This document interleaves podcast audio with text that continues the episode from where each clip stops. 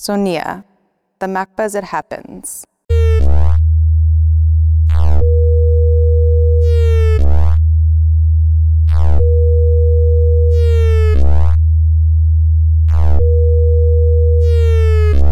Theo Burt is a UK based artist working with sound, video, and light. His work draws on interests in perceptual relationships between sound and image and aesthetic applications of technology. Burt's recent projects have focused on the use of related sound and video to create a transparency of process and the effect of partial predictability on perceptions of time. His work includes installations, live performances, and fixed media pieces. Sonia talks to Theo Burt about perceptual processes, visual music, and intermedia art.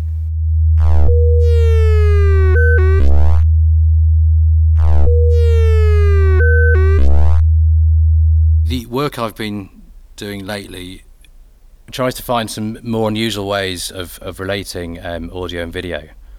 I kind of came upon this quite gradually, partly through the way I was starting to approach sort of technology and also through ways I was starting to think about perception and all the stuff I was, I was reading on people's thoughts about sort of um, audio and video perception. The sight of sounds and the hearing of colours. Lot of the kind of empirical and sort of rational studies of perception have to isolate individual senses and, and, and study them separately. And of course, there is a lot of study in, in the, the combination of senses, sort of multimodal perception and cross-modal perception. But I, I came across a while ago um, the work of Merleau-Ponty, who was quite critical of the kind of empirical studies of, of perception and so on. And the, I suppose his most famous work is the phenomenology of perception. And he had this really interesting idea of, of, um, perception sort of interfacing with the world bodily. There's a really good quote, which I'm sure we'll be able to remember now. It's, I think it's the, the sight of sounds and the hearing of colours come about through the same process as the unity of the gaze through the eyes.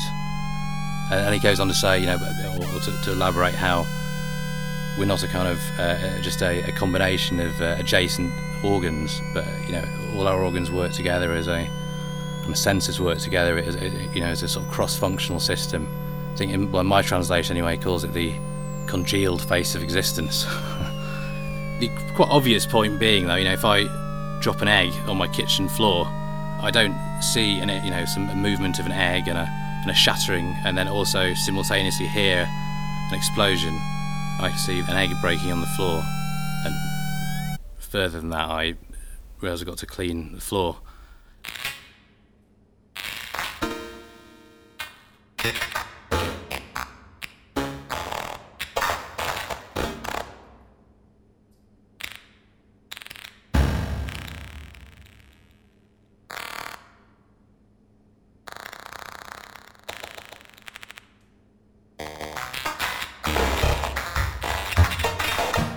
The idea of, of, of fragmenting or dividing the senses, I think, has come about really a, a, as a process of technologies. In a weird way, I think it goes back to the idea of film, and, and film being an attempt to, well, an attempt to kind of shortcut the idea of recreating a world or creating a world through tricking individual senses, you know, by sending light into the eyes and, and sound into the ears as a convenience, really. And that's, again, may sound incredibly obvious, but I think it's something we forget when we're dealing with audio and video in lots of forms. Relating image and sound through computer processes. So, audio and video, and especially computer technology now, has kind of inherited this legacy. And really, when we deal with it, we're dealing with two completely separate mediums, and those mediums aren't really related together in any way, and we don't really have any relationship um, with, with, the way we actually perceive the world and so on. If we're dealing with sort of live computer graphics, we're sending, you know, either polygons or pixels 30 times a second to a screen. You know, if we're dealing with audio, we're sending a sequence of sort of thousands of numbers a second. You know, which eventually goes out, you know, to a speaker. And there's, there's no really obvious way of relating those things, especially when you're dealing with abstract material rather than filmed material or, or trying to represent a, a, physical world. So, what I've, i think tends to happen in a lot of cases is, is people who are working with computer audio, audio and video are forced to treat them um, as really two separate mediums, and in doing so, there's no real obvious relationships to make with them, and as a result, they quite often have to bring in I don't know, um, uh, references from, say, you know, music genres or other audio things into the audio, and references from, you know, visual art or whatever into into the video, and um, and then relate them on, on, quite you know quite often on very simple levels. Often all you can do is really just sort of trigger events at the same time, or and so on. But so you, so quite often you get the kind of music video effect where you know the music comes first and the video is, is, is tagged on because the because ultimately the, the audio side of it is still autonomous in a kind of musical fashion. So um, I'm not claiming for a second that, that I managed to successfully get around all these kind of issues and so on, but they're things I've been thinking about. So the way I've been working, I'm sure lots of other people as well, rather than um, attempt to kind of give a primacy to the, the image or the sound, is to work with some kind of uh, perhaps more abstract um, concept or, or data or process better, and then up front define a relationship between this process and the audio, and this process and the video. And um, before I even sort of start to, uh, to, to, sort of put a, any kind of structure together or composition, to, to, sort of create something to actually realise this this this uh, relationship between the audio and the video, and then work with that, and then effectively while I'm kind of working with it, as far as I'm concerned, you know, uh, making it, I'm working with a single medium which I think is more in line with the way that the, the audience is then viewing it afterwards.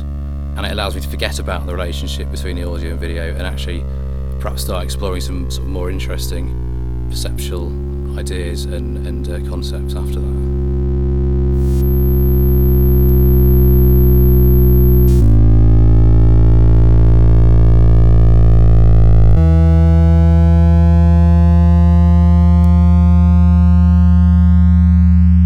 Most cases, even the, the conception of the idea itself is limited by your idea of what technology can do and what technology is. So I think the fact that the, the technology is divided, it has a schism between the the the, um, the sound and the image.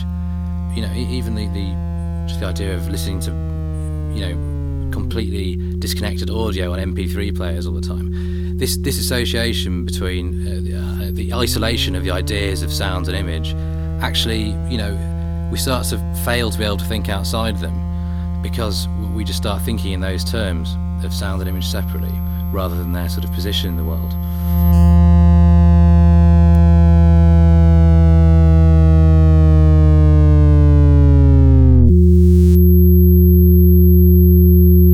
Color projections is a, a link between geometry uh, geometry, which I guess isn't inherently visual, even though it's inherently spatial, and sound. And I, I kind of found quite an elegant relationship between geometry and sound. You know, starting from the premise that a circle is a sine wave and so on.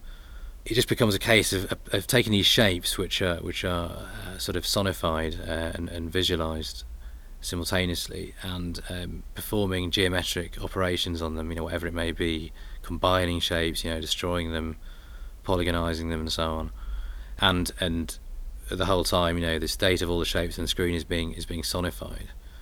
What I discovered once I was making like that is that all these other kind of effects and so on came into play, uh, and other uh, things to do with um, to do with the, the fact that the the kind of manipulation of the geometry was so standard was was such a you know a well known kind of uh, and and understandable set of processes that there was a sort of uh, element of predictability to all the individual kind of uh, structures and so on.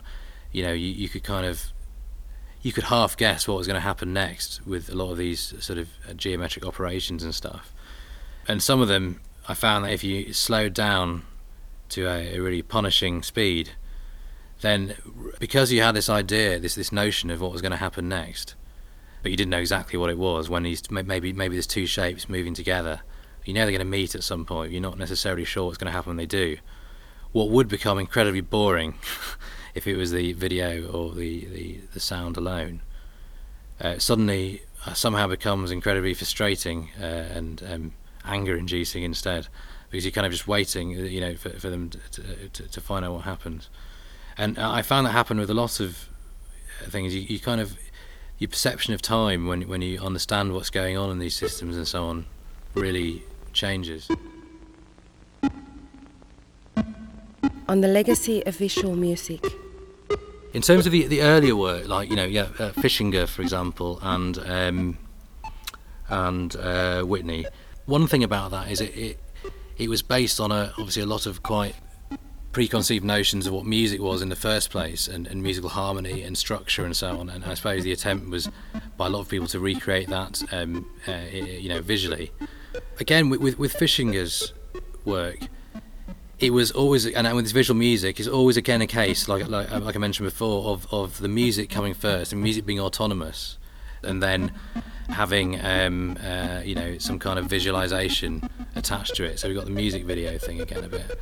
One um, person who, who, who, did some amazing stuff was yeah Norman McLaren, and just his little 30 second piece Scherzo, which I think is less famous than the one called Dots. I think I can't remember, but it is incredible. Which is just um, uh, directly drawn onto the um, film and um, optical film individually for each frame, uh, and that's fantastic. little film, and and really, you couldn't say there's a primacy between the audio and the video. I don't think in any of those.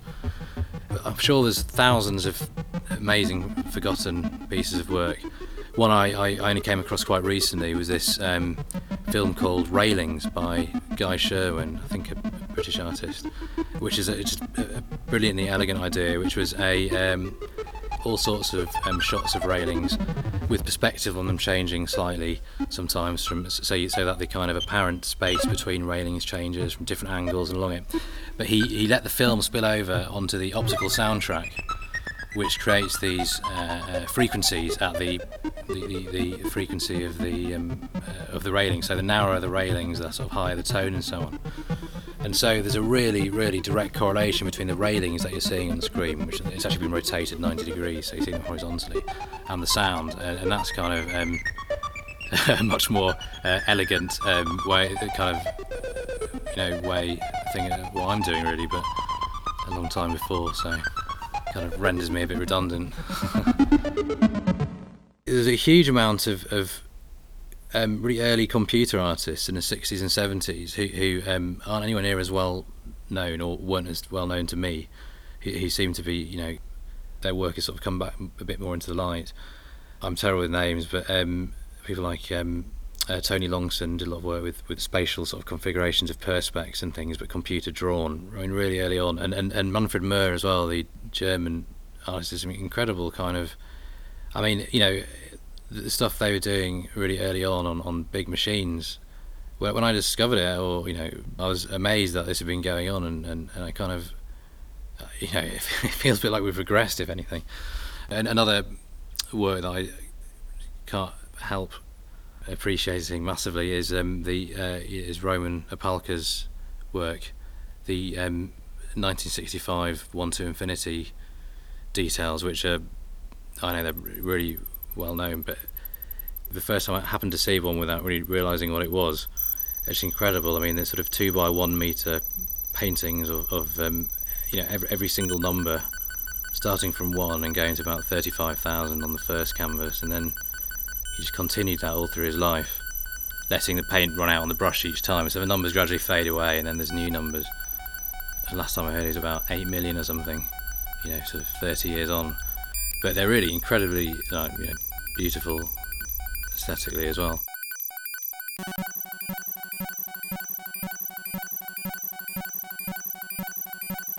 Composing structures by laying out systems there's a link between, uh, possibly between growing up in the 80s and um, owning really, really basic computers and uh, not really understanding much about them or how they worked, but uh, sort of understanding their limitations. And then every so often, you know, someone would do something which you didn't think was possible on it, you know, through whatever means.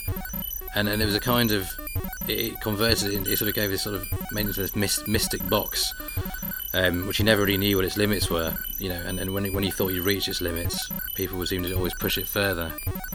So I mean, there's something about the kind of um, the potential, the, the, the, excitement of exploring kind of um, abstract, uh, you know, or, or, even I don't know, mathematical or spatial systems, um, which which I find really interesting, and I suppose that ties in with the way I work now a bit because I tend to build um, these systems, very simple systems, and then play with them and kind of see what they do.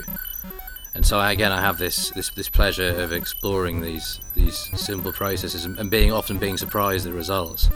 And then you know it's a puts you in a really privileged position because you know I just then have to, to, to choose the ones I like and then present them much as I found them, you know, uh, live or whatever, and, um, and and hope that people get the same kind of you know same kind of um, interest out of it as I did.